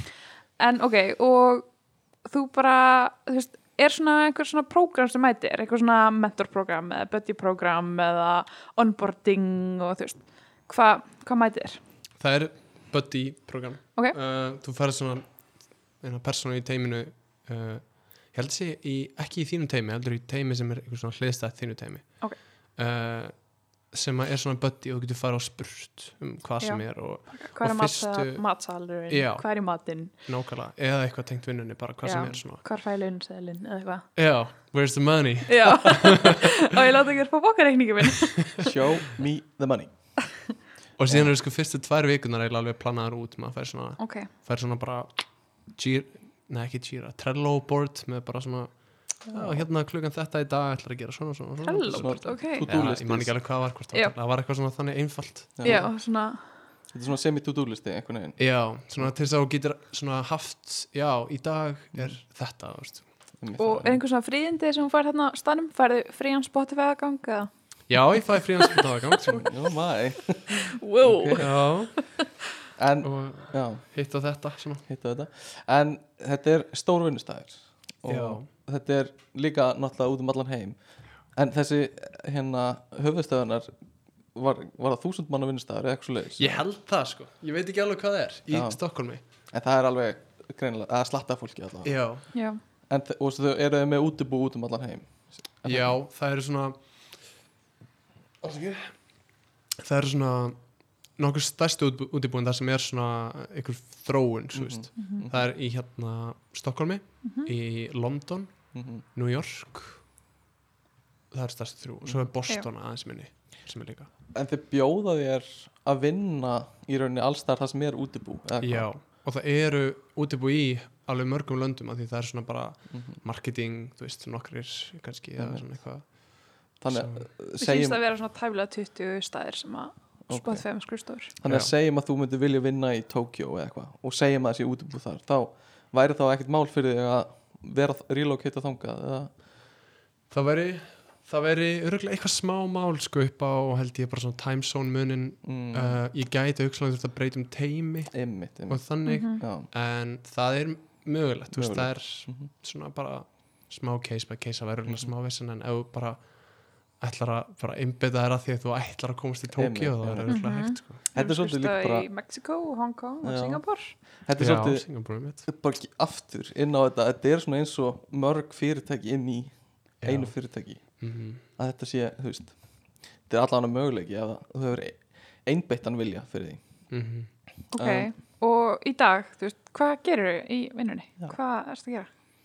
Já uh, Ég er búin að vera núna í þessu teimi sem er að byggja semst UI-ið á uh, notenda viðmótið Mm. á Spotify desktop clientinum Bara sem við Í- sjáum. Já, sem að bara taka niður og allt sem maður sér sko mm -hmm. bara láta kl- takan að virka Ok, í þrjú ár, ég er búin að vera þar í þrjú ár og ég er bara búin að vera í uh, allski stótiðar mm. síðasta eitt og hálft ár erum við búin að vera að vinja gera alveg nýjan desktop client Mhm. ok, sem er komin út til 50% notenda núna ok, og kemur bara út til 100% vonandi bara þú veist, næstu tveim vikum er það valið að handahófi hverju fá það? Eða, já, mm -hmm. ok, þannig að ég veit ekki hvort að þið gæti verið með það, ég veit ekki Ef að, já, já, já, þú kom með hann ok, trygg verið skoða þú ert ekki kom með hann Vá, fyndi Ég kom með það en Kristín er ekki Já. kom með það er að uppfara eða kannski. um, já, þú þarft að uppfæra hann um, En hérna en það er búið ógislega að fyndi að taka það til svona löng og stór verkefni Já. og sem er svona, sem allir sjá líka múst, maður getur að fara bara á Twitter og sé bara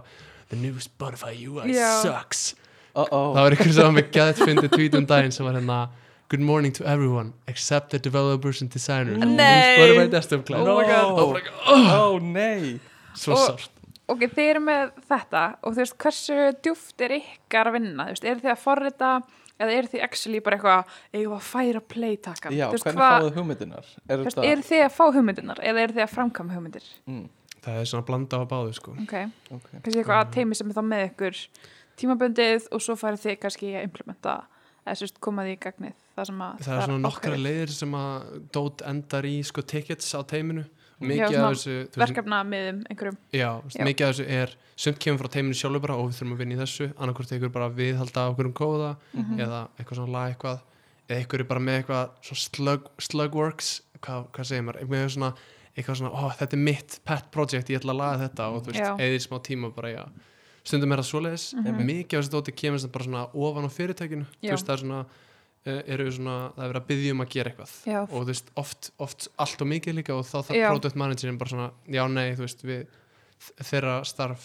er að hérna, bara svona raða í Mhm. forgangsraða forgangsraða Já. einmitt. Já, náttúrulega bara alls konar sem kemur út úr notendaviðtölum og eitthvað sem kemur bara út Mhm. úr algengum böggum í eðust Já, getur maður ímynda sér og hafið Já. þið eitthvað svona segi í þessu þú veist, er eitthvað svona sem að þú hefur tekið eftir að félagar hafa bent á sem að þú hefur fengið að laga já, já sko, eða þú veist, Ekki- gera þér í þessu ég, ég reyna að muna hvort að ykkur félagi hafi ykkur mann bent á okkar sem ég hefur lagað, en stundum hefur maður kannski séð eitthvað bara, ó Mhm. þessi þú veist, það er eitthvað íkon hérna sem er ekki alveg miðið já, Já, já, ok. einmitt. En ég er líka búin að vera að vinna svolítið mikið í, í hérna aðgengismálum, búin að taka það svolítið bara svona, svona kannski sérhæfingu eiginlega, Ok. svona vef aðgengismálum og og, og, já, búin að vera að koma því inn í og glæðin. aðgengismál eru þá fyrir sjónskerta eða fyrir hérna, eitthvað svoleiðis Já, já, það er mjög algengt, þú veist, það þarf að gera svolítið mikið, einmitt sérstaklega fyrir, þú veist, sjónskerta eða blinda, Mhm. bara til þess að það getið nota appið, Mhm, Já. en þetta er, snertir alveg líka litblindu Mhm. og, Já. þú veist, að geta líka bara eldri, hreyfihömlun, þú eldri veist. borgara líka að setja sér skýrt Já, Mm. einmitt. og he, hefur farið á þá þú veist, hefur kynntir e- þú veist, hvernig, þú veist, hefur komist inn í þá vinnu Fórst, hefur að tenda einhverja konferensa eða Nei, reyndar ekki, sko, ég er bara hvað svona... var það stofnir Tendal conference, þetta var mjög skilint það er sko geggjaður kors á held ég að sé Coursera eða Udacity, ég man ekki, Já. sem heitir Web Accessibility Mhm. eftir Ok. Google Ok, og ég tók hann og hann var mjög góður og Já. svo bara svona sjá hvað aðrir hafa gert og Algjörlega. eitthvað að lesa blogg og Mhm. fylgst með á Twitter já, hvað er svona mest áhugavert við nýjist útgáfuna af web, eða þú veist, af desktop, hvað er íslenska heitið yfir þetta allt saman? Yfir tölvu appið, tölvu fóritið Já, sem að þið finnst svona, þú veist, skemmtilegast eða lukka vel. sko mér finnst eiginlega það skemmtilegast að vera það sem lukkar, lukkar ekki neitt sem er þú veist, Mm. aðgengis, hann er svo Já. miklu meira aðgengilegur þú veist einmitt. og Maður þetta er, skilur þetta er betur. skilur, þetta er tónlist að veita og mér finnst svo mikilvægt að þú veist, fólk sem sér ekki get, að því það er svo, st- tónlist er náttúrulega hljóð sem er svo stór Algjörlega. partur af lífinu fyrir það fólk sem getur ekki s- þú veist, séð Já, eða sér illa, þannig að mér finnst svo ekstra mikilvægt Mhm. að tónlist að veita sé með þetta í lægi algjörlega Al- toppa Algjörlega. við, þú veist, Geggjaður þannig að punktur. það er mjög gott Mhm. uh, en annars er eitt sem að fólk er svolítið ánætt með verðist vera er að það, þegar þetta í playlistum Mhm. þá er komið albumcoverið á lögunum inn í inline þannig að þú getur svona skannað Á, playlistanum Mm. já. svolítið öðvöldara margir Einmitt. er fyrir ánægð með það hlakka til að geta séð það. Já, þegar þú ferð það ég, Mér fyndi, ég var að ég, segja nokkrum að ég væri að fara að taka viðtölu við að vinum mínum Nennir að byggja um að laga þetta? Já, og bara fyrsta Þú veist, ég bara áður en ég sagði neitt meira þá var bara, nefnir að gera þetta sem ég ætla ekki að fara út í en það var bara mjög fyndi Og ferði mikið á svona, þú veist, þú ferði í partí eða eitthvað, Já, ekki það- með Spotify. Einmitt. Það var það sem ég ætlaði að spyrja Ef að ég er að fá þetta bara út í ég er að fara að taka viðtal við þig Er þú að lendi í þessu? Eitthvað Já, svona. alveg klárlega sko.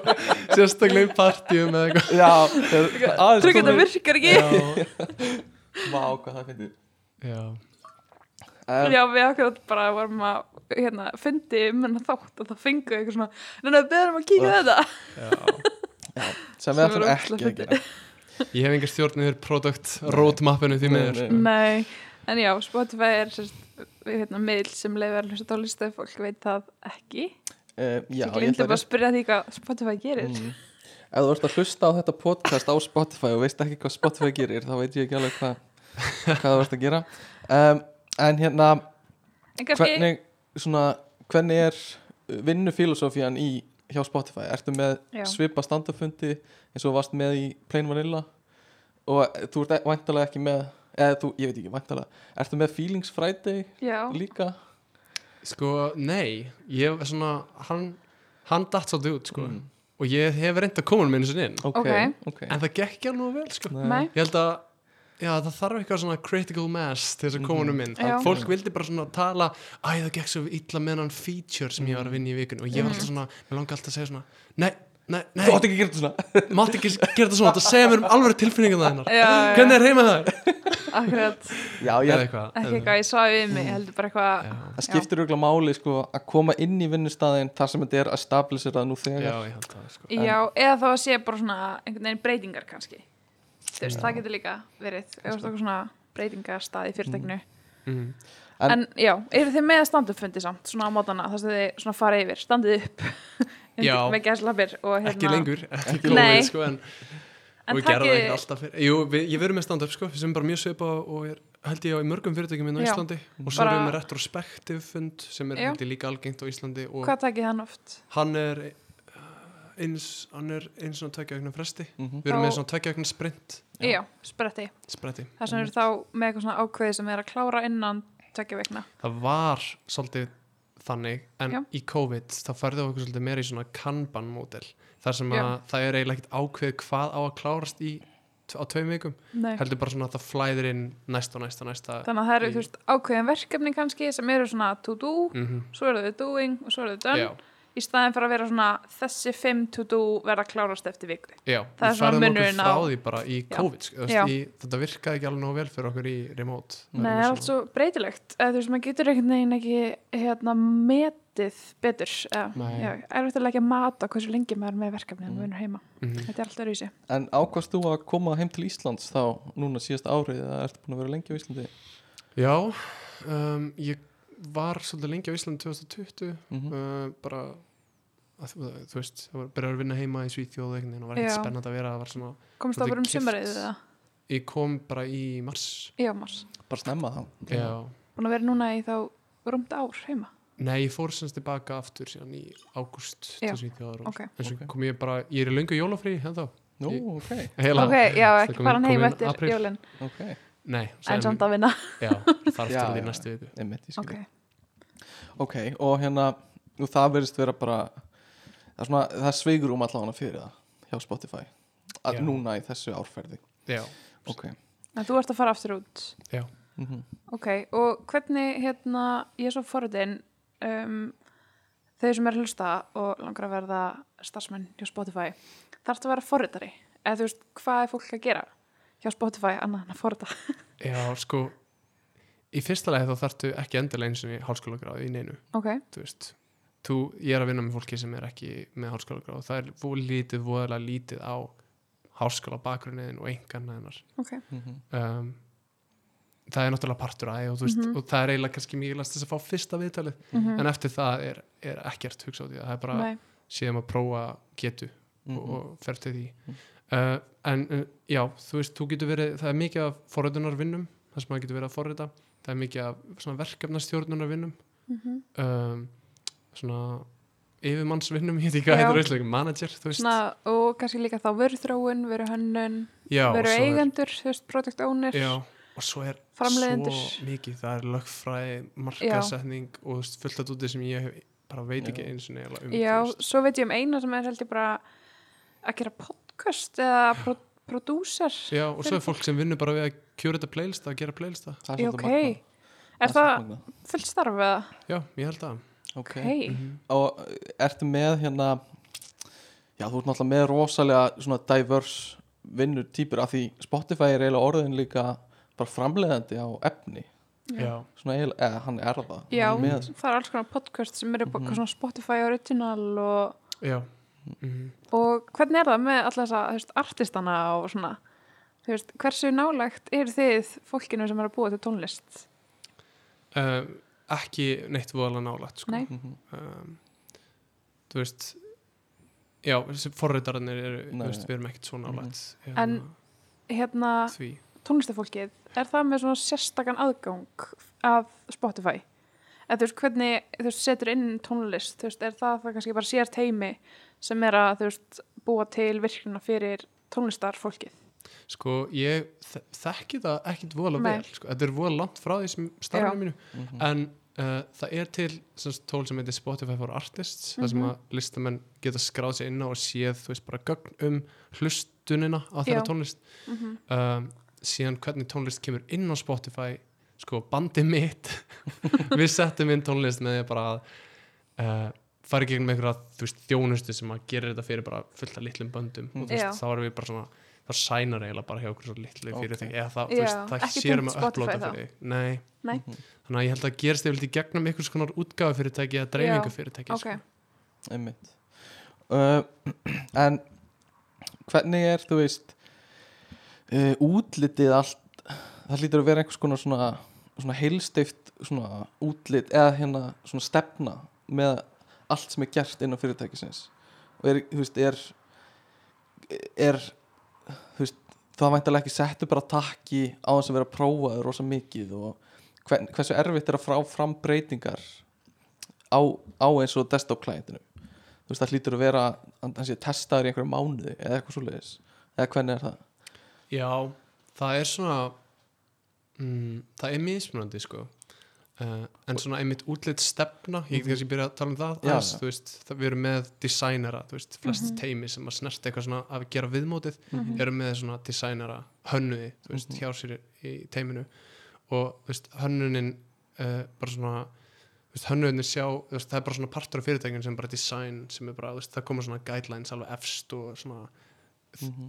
allir hönnuður í Spotify reyna svona að hafa eitthvað svona heilstift, þú veist, hönnunar viðmið eða þannig Einmitt, einmitt. Og svona kannski miðlægt Já. líka, mm eins og bara þessi þú veist, græni fyrirtæki, já, eins og Og- fyrirtæki gefa út bara, þú veist, svona takka ætlum við að nota Mhm. þeir eru ringlaga en ef þeir eru kassalega þá er það svona, ætlar að búið til lista þá lítið það svona út einmitt, veistu fylgið einhverjum svona reglum í útliti eða ekki jú, og svo er svona byrjað að byggja ofan á það svona design system svona Mhm. design language eh, Mhm. mm það sem er, þú veist, búið að búa til eins og við erum að nota, voða mörg teimur að nota á web, gegnum svona React mm -hmm. og þá búið að byggja bara svona React komponentin sem bara já, takki Al- já, þetta ég þetta, Já, en það þetta. getur bara svona tekið það til þín, dreigja það inn á þitt já, bara svona tilbúið og við erum svona að byrja að nota það svolítið Mhm. Já. þetta er, þetta er sniðugt en það er mikið vinna að ná svona design systemi rétt og það er Já, líka fara það í takt ákveð og- erfitt ég, já, erfileikar ég myndi mig bara að því að þetta er svo stórt fyrirtæki og stórt batteri mm -hmm. að, að ef þú ætlar að breyta einhver smá þá þarf það að fara í gegnum svolítið langt ferli, eða þetta er bara mín ímyndun ég veit það Mhm. ekki, þú veist, er, er eitthvað til í því eða, já, þú veist, það fer eftir kannski hvar aðteklin líka liggur Mhm. hjá bara ég veist, fyrirtækinu eða svona eða mm Mhm. einhverjum Já. stakeholders Já. sem er partar af kannski aðeins meira eldfumir heldur en aðrir þú veist, og einmitt stundum er þetta vola auðvelt það er bara eitthvað svona, þetta er Mhm. hérna, veist, s- þetta er blanda af gut feeling og hérna, svo er náttúrulega gert svona quantity og quality user research og þú veist, quantity user research því bara að það er verið að, þú veist,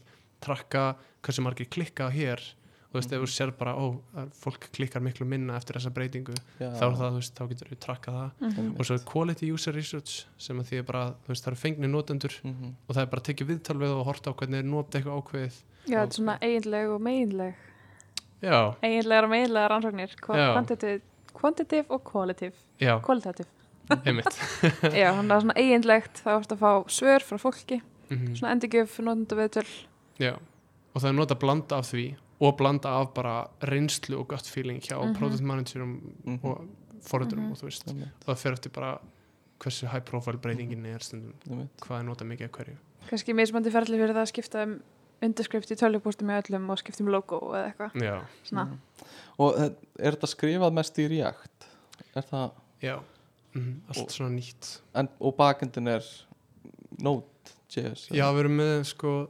vef-serverinn sem er á bakvið þú veist eins og hérna Mhm. vef-playerinn okkar er, þetta er svolítið flókið allt en við, hann er skrifur í Node.js Mhm. og hann kallaði sér áfram niður í uh, Spotify bara backend hérna, ekosystemi sem er skrifað í Java ok, þar sem Spotify er með svona microservices fullt af litlum svona serverum sem gera bara einhvern einn ákveðin hlut mjög vel og svo tala þær allir saman til þess að púsla saman bara gögnunum sem þarf að gefa Algjörlega. framöndanum ég get bara vel trúið að þetta sé flókið þetta er náttúrulega huge batteri sko. mm -hmm. þannig að uh, það kemur ekkert á óvart en hvernig er svona þróunin innan fyrirtækisins eru þau með, þú veist, hackathon innan Spotify eða eru þau með einhverjum svona hraðla sem þau svona getur brainstormað í eða Já, það er svona sko einu sinni á ári allavega ég held að það sé einu sinni á ári þá er Hack Week hjá Spotify Mm. ok, sem er svona bara öllum höfustöð, öllum vinstöðum Já, þar Mhm. sem allir geta tekið þátt í hérna í heila viku að vinna í bara einhverju sem að þeir hafa áhuga á Ok. uh, sem snerti kannski, þú veist, bara eitth- eitthvað sem ekki sens Mhm. mm -hmm. mm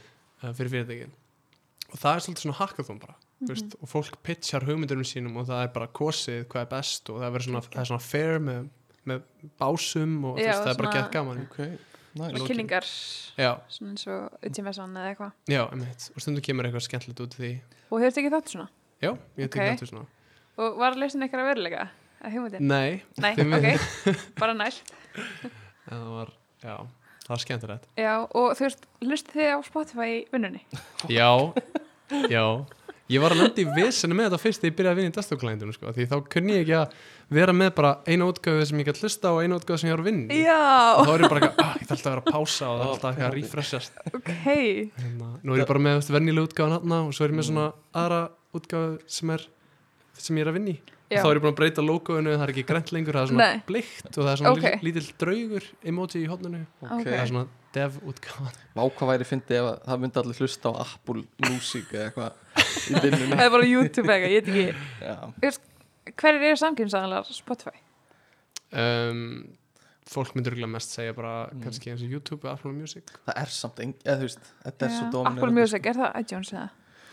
uh, nei, Nei, það er svona það sem ko- tók við af iTunes eiginlega Ó, Mhm. það er mjög svipað á Spotify held ég, eða svona svipað koncept já, okay. ok svona streyma bara tónlist mm -hmm. uh, þannig að eh, mér heyrist þú mæla með þessu vinnustad eða allavega það er mjög jákvæður svona andi frá þér Já, ég er alveg mjög ánæður sko. mm Mhm. búin að vera annar náttúrulega í fjör ár en Já. það er ég ekki Já. búin að gera það Mhm. og bara, þetta er, já ég er svona, hef mikið áhuga á þessu sem ég er að vinna við og bara ógeðslega næs fólk líka Mhm. Já. sem er í teiminu mínu Já. og ég svolítið þakka bara þessu kultúru viðtali Já. svolítið Já. fyrir hvað er mikið af næs fólki að vinna hana já, um, heldur það að síu út einhverja svona er, sem Já. var erfiðar að vinna með já, það er svolítið já, það er svolítið, þú veist, svona það er vel ekkit- framkvæmt þetta já, Mm.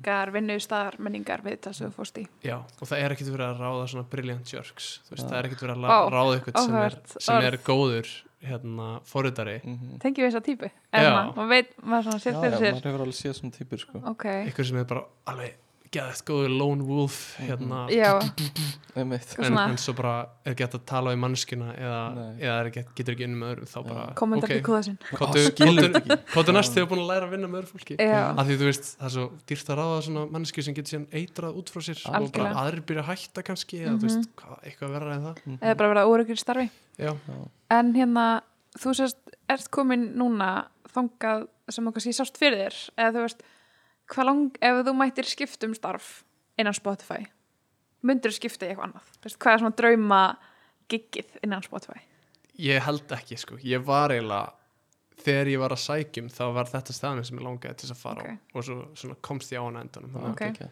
ég bara er svona eiginlega í draumastarfunum mín sko. ákvæðin Kirkja? ég, sko.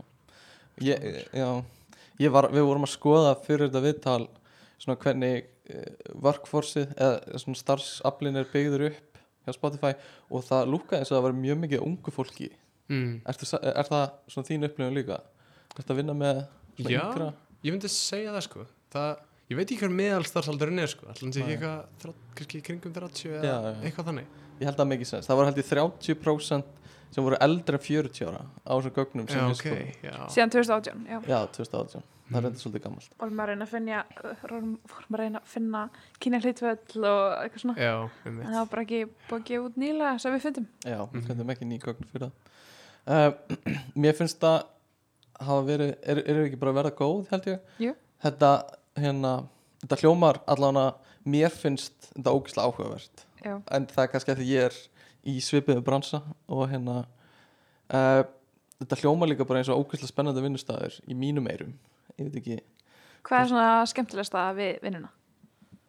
um, Sko mér, eitt af því skemmtilegast vannst mér alltaf bara félagslífið og fólki og ég saknaði svo mikið Já. í Já. COVID Mhm. Mér finnst svolítið erfitt að taka þessa vídeofundi þú Já. veist, og ég verð þreyttur á því og svona vídeo, social time finnst mér stundum bara eins og einn annar fundur já, algjörlega þó að sé Eh. bara að spila leiki eða eitthvað Já, svona. já spjallið eitthvað mismöndi millir fólks en Mhm. mér finnst það svolítið erfitt þannig að ég sakna þess það er bara þú veist, fólkið einhvern veginn svona og hvað þetta er svona alþjóðlegt og fjölbreytt líka einhvern veginn Mhm. gaman að vinna þannig Mér algjörlega finnst það er að Já, og hérna ertu, ertu líka bara svona alveg sér lókin Ertu sáttur við vinnu aðstöðuna sem þú færð þarna líka? Ertu í svipu bara svona opnu vinnur ég með þar og góð matur, já, hvernig er mötunni Sko, snacks, gott kaffi já, já, ég er sáttur sko Já. uh, það er svona opið, opið vinnurinn með hálf opið Mhm. og það er, það er svona snacks, já en maður fer líka oft kannski út að borða maður er já, Já, spoiled einmitt Hvað sagðir aftur í Hefur það gott? hraðaspurningunum? Sagðir eh, elda sjálfur eða já, ég sagði það Þú sagðir elda Mm. sjálfur Já. En færð samt oft út að borða? já, ég nenni ekki að gera sko nesti eða Nei, Mér skamma Nei. alltaf kvöld en það er líka þú veist fyrir eftir hvort að maður búið einn eða með einhverjum Mm, Já. Mm. eða fjölskyldu eða Mér skemmtlar að elda með öðrum sko. já, já Hvort myndirðu vilja frekar elda eða taka til eftir mótin? Hvort eftir meiri, meiri típan? Ég held að elda sko. Ég held það líka, ég er sammála því já þetta var spurning sem náði ekki Já, sem náðu ekki ná hraðspurningulista en ok, og er eitthvað svona að lokum sem þú vilt bæta við uh, eitthvað sem þú vilt segja á hlustendur um, eitthvað sem þú hefur lært ég veit, það er svolítið erfitt að bara Þetta er henda erfitt, spurningun sko. á hann óundi búinn Já. en mér finnst svolítið bara inspiring að, að hérna, þú sért komin í starfið sem þú langaði að koma í já, og hérna, þú veist, þú byrjaðir ekki þar en líka bara sjá hvernig svona vegferðin var í gegnum þetta ég veit ekki hvort það var blandað hefni eða, eða bara hæfileikum en allavega þú komst á hana stað og, og Ég held að sé alveg dassa af hefni Mm. í þessu líka sko. einhvern veginn. mm. Já, en er glá, góð tilfinning að vera komin svona á þann stað sem maður langar að vera Já. og vera sáttur Já, og samt svona einhvern veginn halda í drefkraftin mhm. veist, Já. myndir að segja að þú sérst þar ennþá svo er ég alveg fullu sem að þetta mun þróast um, áfram, þú veist, einhvern veginn svona mann, Mhm. tilfinningi manns breytist Mhm. með aldrinum og reynslu Mhm. sem maður rafla sér og svona Hvar ertu eftir fimm ár? Já, það er góð spurning, sko ég er svona á smá tímamótum núna í vinnunni það er svona aðeins að breytum, ég er að forræta miklu minna komin inn í kannski svona 30-40% bara að forræta og Ok, komin inn í svona að gera svona starri verkefni tæknilega verkefni, milli teima og, eitthvað. Ok. og það er bara svona fullt meira fundir og skrifa eitthvað dokument og þannig Mm. Hvernig fílar það þar?